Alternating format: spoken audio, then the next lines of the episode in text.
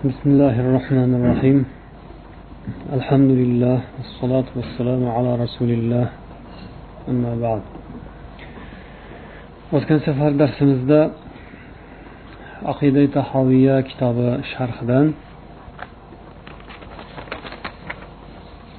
bu ilm har bir inson uchun o'zini ehtiyojiga qarab imkoniyatiga talab ehtiyojlariga qarab turib o'qilishi o'rganilishi farz ekanligi va bu boshqa ilmlarni hammasini asosini tashkil qiladigan har qanday inson uchun ma'lum darajada shu aqida e'tiqod ilmidan boxabar bo'lishi shart ekanligi xususida to'xtalib o'tgan edik. Va bu borada bir qancha kitoblar yozilgan. Umuman olganda har bir soha har bir fan bo'yicha har bir yo'nalish bo'yicha asos bo'ladigan hujjat bo'ladigan kitoblar borligi. Masalan tafsir borasida ibn kasir tobariy qurtubiy hadislar borasida buxoriy muslim shu kitoblar masalan hujjat kitoblar. Fiqh sohasida esa hanafiylarda viqoya hidoya shunga o'xshash kitoblar. Shofiylarda esa o'zlarini yana kitoblari masalan al um degan kitoblari. Har bir sohani hujjat bo'ladigan asos bo'ladigan kitobi darsligi bo'ladi deb eslab o'tuvdik endi hamma uchun judayam bir muhim bo'lgan soha muhim bo'lgan bir dars fan bu aqida darsligi e'tiqod bu sohada ham hujjat bo'ladigan asos bo'ladigan kitoblardan eng mashhuri qadimiysi mana shu ikki yuz o'ttiz to'qqizinchi hijriy yilda tug'ilib uch yuz yigirma birinchi yilda vafot etgan imom abu jafar ahmad ibn muhammad ibn salamat al azdi at tahaviy ismli misrlik olim tasnif etgan aqidai tahoviya nomli kitobi ekanligi haqida gaplashdik. Bu imom tahoviy mufassir muhaddis tarixchi olim bo'lganlar o'zlari hanafiy mazhab ulamolaridan bo'ldilar. Bu kishini tasnif etgan bu kitoblari barcha mazhab ulamolari nazdida ham maqbul kitob bo'lib hamma joyda bu darslik sifatida qadim qadimlardan madrasalarda o'qilib kelingan. Hozirgi kunda ham shunday. Musulmon universitetlarida musulmon oliygohlarida dunyoda bu kitob darslik sifatida o'qitiladi shuni sharhlari bilan. Lokin ahamiyatli tomoni shundaki bu kitob o'sha bitiruvchilar uchun ko'pincha institutlarni universitetlarni bitiruvchi kurslari oxirgi kurs talabalariga hujjat tariqasida o'qitiladi.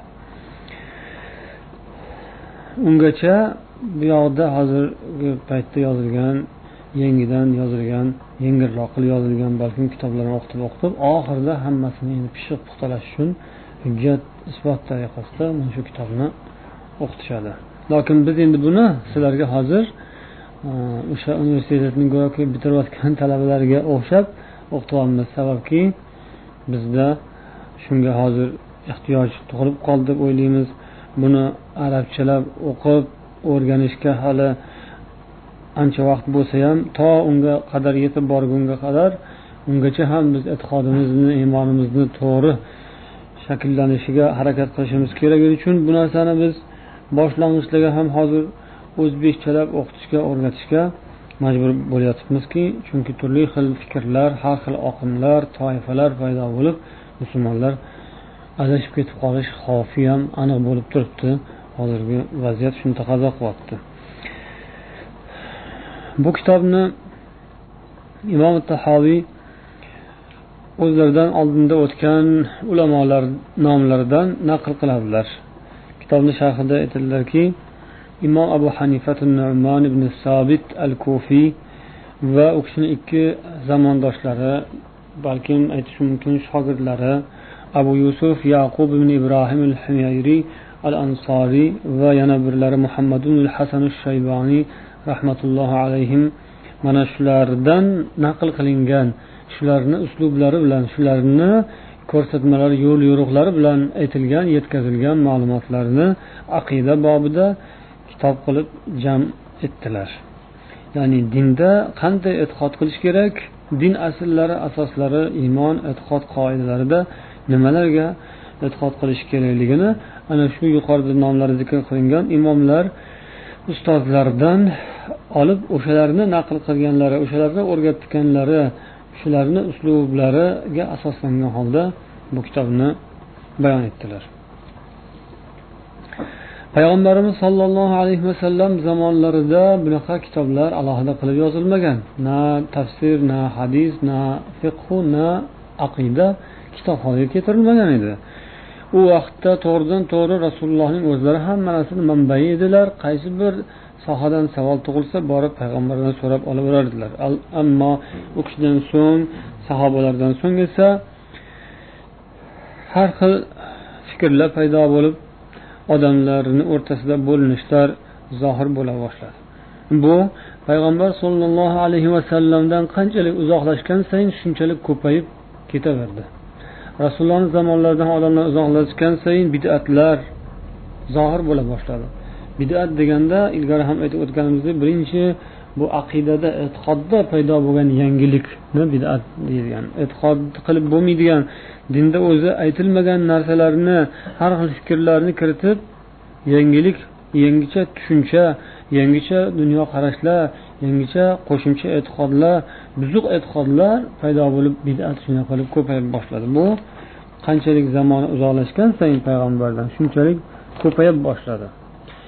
Bular hammalari qur'onga asoslanib hadisga asoslanib o'zlari bidatlarini rivojlantirishga harakat qilishgan. Va bu o'rinda ular tavil degan narsani qo'lladilar. Tavil degani aslida bu tafsir degan mazmunga ham to'g'ri keladi. Bir so'zni jumlani zohiriy ma'nosidan tashqari yana boshqa bir ma'nolari borligini topib gap eslab o'shani yana qo'shimcha bir ma'nolar yangi yangi ma'nolar chiqishini chiqarishni tavil deb aytilar edi. Bu tavil aslida shunday ediki qoidasi صرف الكلام عن ظاهره إلى معنى آخر يحتمله, يحتمله اللفظ في الجملة ya'ni bir kalimani so'zni jumlani zohiriy ma'nosidan boshqa qo'shimcha yangi ma'noga burishni otini tavil deyiladi lokin o'sha yangi chiqarilayotgan ma'noni o'sha lafz jumla ko'tarishi kerak o'sha jumladan haqiqatdan shunaqa ma'no chiqarsa bo'ladigan o'rnida chiqariladi uni otini tavil deyiladi. Lokin xuddi mana shunday nozik nuqtalardan ba'zi bir insonlar munofiqlar yoki fosiq kishilar foydalanib tavil qilyapmiz deb ular tahrif tomonga o'tib ketdilar. Tahrif degani bu buzish degani. O'zi harfdan olingan harrafa yuharrifu tahrif harfni o'rnini almashtirish degani. Harfni u yoqqa bu yoqqa surib boshqacha ma'no chiqarib yuborish buzish ma'nosini buzish degani. O'shanday yomon niyatli odamlar biz tavil qilyapmiz ya'ni buni ma'nosini kengaytiryapmiz ma'nolarni chuqurlashtiryapmiz deb turib tahrif qilishga o'tdilar. Tahrif bilan tavilni ba'zi bir nozik nuqtalarini hamma ham barobar tushunavermas edi. Shuning uchun bu ko'p odamlarga tushunilishi qiyin bo'lib ba'zi odamlar shu yerdan adashib qolib noto'g'ri yo'llarga kirib ketishlariga bu ish ham sabab bo'ldi. Va odamlarni adashtirishni xohlagan kishilar buni ham o'zlarini yo'llarini tavil deb ayta boshladilar. Tahrif desalar buzg'unchilik qilayotganlarini ochiq aytsalar albatta bu narsa zarbaga raddiya qarshilikka uchrar edi. Shuning uchun ham ular odamlar qabul qilsin uchun buni otini o'zlarini qilayotgan shu buzg'unchilik ishlarini tavil deb aytadiganlar ko'payib ketdi. Ya'ni islomda shunaqa toifalar buzg'unchi toifalar paydo bo'lishiga sabab bo'ldilar. Shunday qilib keyinchalik ulamolar o'rtasida mana shunday masalalarni tushuntirib izohlari bilan shu narsalarni yaxshilab kengaytirib odamlarga ta'riflab bayon qilib berishga ehtiyoj tug'ilib qoldi. Alloh taolo o'z dinini qur'oni karimda salomat saqlashiga va'da bergan ekan. Bu narsa o'zidan o'zi emas balkim avvalambor payg'ambar orqali undan keyin sahobiylar ana undan keyin esa xalqni ichidan yetishib chiqib turadigan ulamolar xolis dinda mustahkam xolis turadigan u yoq bu yoqqa burilib u yoq bu yoqqa moyil bo'lib sotilib ketmaydigan xolis mustahkam turadigan olimi ulamolar orqali olloh bu dinni saqlaydi. Ana shunday olimlardan birlari mana biz demak kitoblarini ko'rib chiqarganimiz shu imom tahobiy edilar. Hamma masalada payg'ambar sollallohu alayhi vasallam umuman elchilar payg'ambarlarni keltirgan narsalarga ergashish har bir zamonda vojib farz bo'ladi. Ularni keltirganlar oxirgilari hazrati muhammad sollallohu alayhi vasallam payg'ambarlarning oxiri barcha insoniyatgayu jinlarga hamma toifaga to qiyomatga qadar u kishi payg'ambar edilar. U kishiga itoat qilish allohga itoat qilish u kishiga osiy bo'lish bu allohga osiy bo'lishdir. Alloh qur'oni karimda o'z nafsiga qasamyod qilib aytgan ediki to payg'ambar muhammad sollallohu alayhi vasallamni hamma ishda hamma sohada hokim qilib musulmonlar insonlar shunday e'tiqod qilmagunlaricha hamma masalalarni hal qiluvchisi muhammad alayhissalom insonlar ichida. Ekanliklariga e'tiqod qilib shunga qattiq amal qilmagunlaricha ularni iymonlari mukammal bo'lmasligini ular chin mo'min bo'lolmasliklarini qur'onda aytgan edi. Va yana shu bilan bir qatorda munofiqlar esa nomigagina dinda bo'lib payg'ambarga itoat qildiu deb lekin aslida esa ular payg'ambardan boshqani o'zlariga hokim qilib o'zlariga masalalarni hal qilib beradigan qozi qilib olishga harakat qiladilar deb ham aytilgan. Ular ollohu payg'ambar yo'liga chaqirilsalar qur'oni sunnatga chaqirsalar undan har xil yo'llar bilan bahonalar bilan bosh tortishlari va ular qilayotgan ishlarini turli xil chiroyli shiorlar gaplar bilan xaspo'shlab uni bekitib o'zlarini oqlashga urinishlari ham oldindan ma'lum. Bu ham musulmonlarga munofiqlarning qiliqlari sifatida ma'lum edi. Bu narsalar keyinchalik yana rivojlanib ketdi. Ularni toifalari juda ham ko'payib ketdi. Ma'lum bir toifalari mutakallimlar faylasuflar sifatida bosh ko'tarib chiqdilar. Ma'lum bir toifalari esa mutasavviflar mutanassiklar sufiylar sifatida bosh ko'tardilar. Ma'lum bir toifalar esa siyosatdonlar hukmronlar mulkdorlar podshohlar sifatida zohir bo'la boshladilar. Shunday qilib o'sha zamonlarda mana shu kitoblar tasnif shu kitobni tasnif etib yozilishiga sabab bo'lgan vaziyatlarni ham eslab o'tilyaptiki odamlar demak o'sha munofiqlar munofiqlarni yonida johillar nodonlar kaltabin odamlar dinni mohiyatini to'g'ri ya'ni ular shariat bilan falsafani o'rtasini kelishtirib birga olib boramiz. Shariat rasululloh tomonlaridan payg'ambar tomonlaridan keltirilgan bo'lsa falsafa bu inson aqlining mahsuli insoniyat uzoq qadim zamonlardan buyon to'plagan tajribalari odamzodni aqlini boyligi buni ham tashlab buni olishimiz kerak.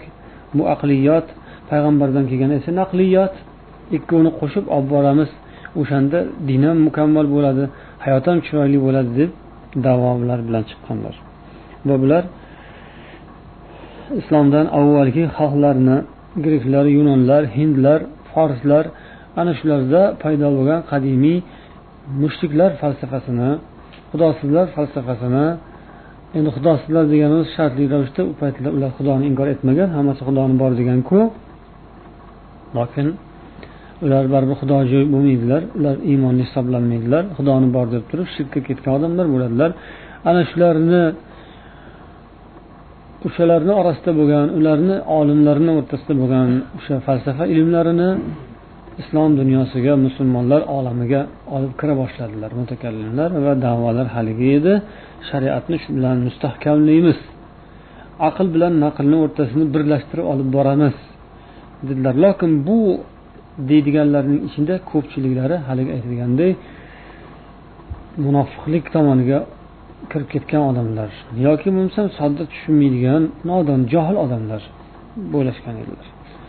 Yana ularni so'ziga o'xshab ketadigan ya'ni mana shu gaplari bilan ollohu payg'ambar yo'lidan so'z o'zidan o'zi ular chekkaga chiqib chekinib shundan boshqa bir tomonlarga adashib ketadigan toifalardan shunday bo'lganlardan ba'zi birlari mutanassiklar yoki mutasavviflar deb aytilgan edi. Bularning hammasi ham shunday deyilmasada lokin mana shunday mutanassiku mutasavviflarni ichlarida biz amallarni juda go'zal chiroyli amal bo'lishini xohlaymiz.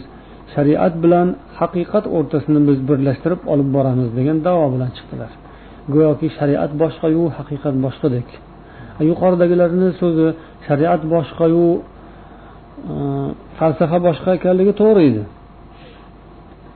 Islomda falsafa deb aytilmas edi. Bu falsafa dunyoqarash tushuncha bo'lsa mana dunyoqarash tushuncha qur'on sunnat asosidagi aqida e'tiqod. Ammo bu toifalar esa biz shariat bilan haqiqat o'rtasini kelishtiramiz ikkovini barobar olib boramiz. Amallarimizni ibodatlarimizni go'zal chiroyli ibodat bo'lishiga erishamiz shunaqa yo'l deb chiqdilar. Lokin haqiqatda bu ham noto'g'ri yo'l edi. Go'yoki inson shariatdan tashqarida ham nimadir haqiqat bor degan tushunchaga kelib qolishiga sabab bo'ladi. Shariatdan butun narsa yo'q eng oliy narsa dunyoda shariat. Hamma haqiqat shu shariatning ichida. Shariatdan tashqarida emas. Shariatdan tashqarida ham bo'lsa u shariatdagi narsa u. Shariatdan olib ularga o'tib qolgan bo'lishi mumkindir. Shuning uchun u u yoqda unaqa narsa bor ekan deb u yoqdan qidirilmaydi. U yoqda ko'rilsa shuni asosini shariatdan izlash kerak. Asosi baribir qur'onda sunnatda shariatda bo'ladi. Musulmonlarni beparvoligi ilmsizligi tufayli yalqov dangasaligi tufayli o'zlarini shariatlarida bor narsalarni ular ko'rmay qolgan bo'lishlari mumkin. Topolmay qolgan bo'lishlari mumkin. Tashqarida atrofda ularni qo'lida ko'rib o'limga mahliyo bo'lib turgan bo'lsalar bu o'sha musulmonlarni nuqsoni bu. Shariatning nuqsoni emas musulmonlarni nuqsoni. Shariatda bor narsani ular topmaganliklarini bildiradi. Yoki yana bir toifalar yana bir guruh shunday zohir bo'la boshladiki bular mutamallika al mutaassira ya'ni hukmdorlar. Odamlarni o'zining ta'sir doirasida ushlab turadigan siyosatdonlar siyosatchilar. Bular davolari innama nuridul ihsana bis siyasatil hasanati va tawfiq baynaha va bayna shariati deb chiqdi. Biz go'zal chiroyli siyosat bilan yaxshilik qilishni xohlaymiz shariat bilan mana shu go'zal siyosat o'rtasini birlashtirib ish olib borishni biz maqsad qilib qo'yganmiz degan davo bilan chiqdilar. Xuddi shariat boshqayu siyosat boshqadek shariatning ichida bu narsa yo'qdek payg'ambar olib kelgan narsani ichida bu narsa yo'qu shuning uchun ular o'zlarini aqllari bilan siyosat ishlab chiqib o'zlarini fikrlari bilan shariatni to'yg'azib shariatni to'yg'azib chalasini to'ldirib shunday qilib bir chiroyli ish olib boramiz deydigan da'vogarlar hukmdorlar podsholar amaldorlar amirlar ichlaridan chiqdilar. Bu degani hammasi o'sha oyatda alloh taolo to sizni ular o'zlarining barcha mojaroyu muammolarida hal qiluvchi qoziyu hokim qilib olmagunlaricha iymonlari mukammal butun bo'lmaydi deb aytgan oyatida mana shu yuqorida zikr qilingan kishilar ham tanqid etiladi. O'shalar ham mana shu oyatga zid bo'lib qolishadi. Ya'ni hamma narsani hal etishni muammolarning yechimini payg'ambar olib kelgan narsadan qidirish kerak edi. Qur'ondan sunnatdan qidirish kerak edi. Ammo ular hali falsafadan hali qadimgilarni e, fikrlaridan yoki hali o'zlari ichlaridan o'ylab topayotgan tajribalaridan siyosat deb o'zlarini to'qib chiqarayotgan narsalardan qidirayotgan ekanlar bu demak payg'ambar olib kelgan narsadan boshqa narsani o'zlariga go'yoki hokimu qozi qilib olishga harakat deb qaraladi. Va bu oxir oqibat insonlarni yo'ldan adashib zaroratga ketishiga sabab bo'ladi. Bu ishlarni paydo bo'lishini sabablari yuqorida aytib o'tganimizdek shariatga beparvolik din ilmiga qur'on va sunnat bilimlariga ahamiyatni yetarli darajada qaratilmaganidan har xil qo'shimcha keyinchalik paydo bo'lgan ilmlarga berilib qur'on va sunnat ilmiga chuqur kirish kamayib ketganligidan shunaqa narsalar paydo bo'ldi va buning oxir oqibati munofiqlik dushmanlik kuchayib ketishiga sabab bo'ldi. Kimlarnidir nodonligi jaholati kimlarnidir esa munofiqligi sabab bo'lib musulmonlik bilimlari qur'on va sunnat bilimlari odamlarni o'rtasidan ko'tarilib ketayotganday bo'ldi. Lokin alloh taoloning marhamati va'dasi dinni to qiyomatga qadar salomat saqlash haqida qur'oni karimda allohning va'dasi bayon etilgan. Har qancha inson aqli har qancha uning tasavvur doirasi chuqur keng bo'lsa marhamat qilib qur'oni sunnat doirasida kuchini ko'rsatsin. Marhamat qilib hamma g'ayratini mana shu ikki narsaga bag'ishlasa u to umrining oxirigacha o'qisa ham bu qur'oni sunnat xazinalarini tagiga tubiga bu ilmlarni oxiriga yeta olmaydi. Ilmlar asli ilm ilm bu ollohda hamma ilm. Yer yuzidagi bu olamdagi barcha ma'lumotu ilm ollohning ilmidan bir zarra ham emas shuning uchun allohning kitobi bo'lgan qur'oni karim va sunnat dunyodagi har qanday ilmdan ustun turadi shuning uchun ham imom shofiiy rahmatullohi alayh mashhur she'rlarida كل العلوم سوى القرآن مشغلة إلا الحديث وإلا الفقه في الدين العلم ما كان فيه قال حدثنا وما سوى ذاك وسواس الشياطين degan edilar hamma ilm har qanday ilm qur'ondan boshqa har qanday ilm bu behuda ovoragarchilikdir magaram u hadis bo'lsa yoki dindagi fiqh bo'lsa dinni tushunish qonun qoidasini o'rganish bo'lsa bu bundan mustasno Buni ovoragarchilik bekorchi behuda narsa demaymiz chunki bu qur'onga asoslangan hadis qur'onni sharhi bu. Demak har qanday ilmiki qur'ondan tashqarida bo'lgan hadisu fiqdan boshqasi behuda ovoragarchilikdir. Ilm bu shuki unda qola va haddasanosi bo'lsa o'sha ilmdir. Bu nima degani? Qola haddasano qola degani qololloh ya'ni olloh aytdi. Oyat bu qur'on. Haddasano hadisda gapirlar haddasano fulan an fulan falonchi pistonchidan hadis rivoyat qilindi. Bu hadis demoqchi. Ya'ni qolasi bo'lsa haddasanosi bo'lsa shu ilmdir. Hamma ilm mana shuni ichida qola bilan haddasanoni ichida har qanday ilm. Undan boshqasi shaytonning vasvasasidir.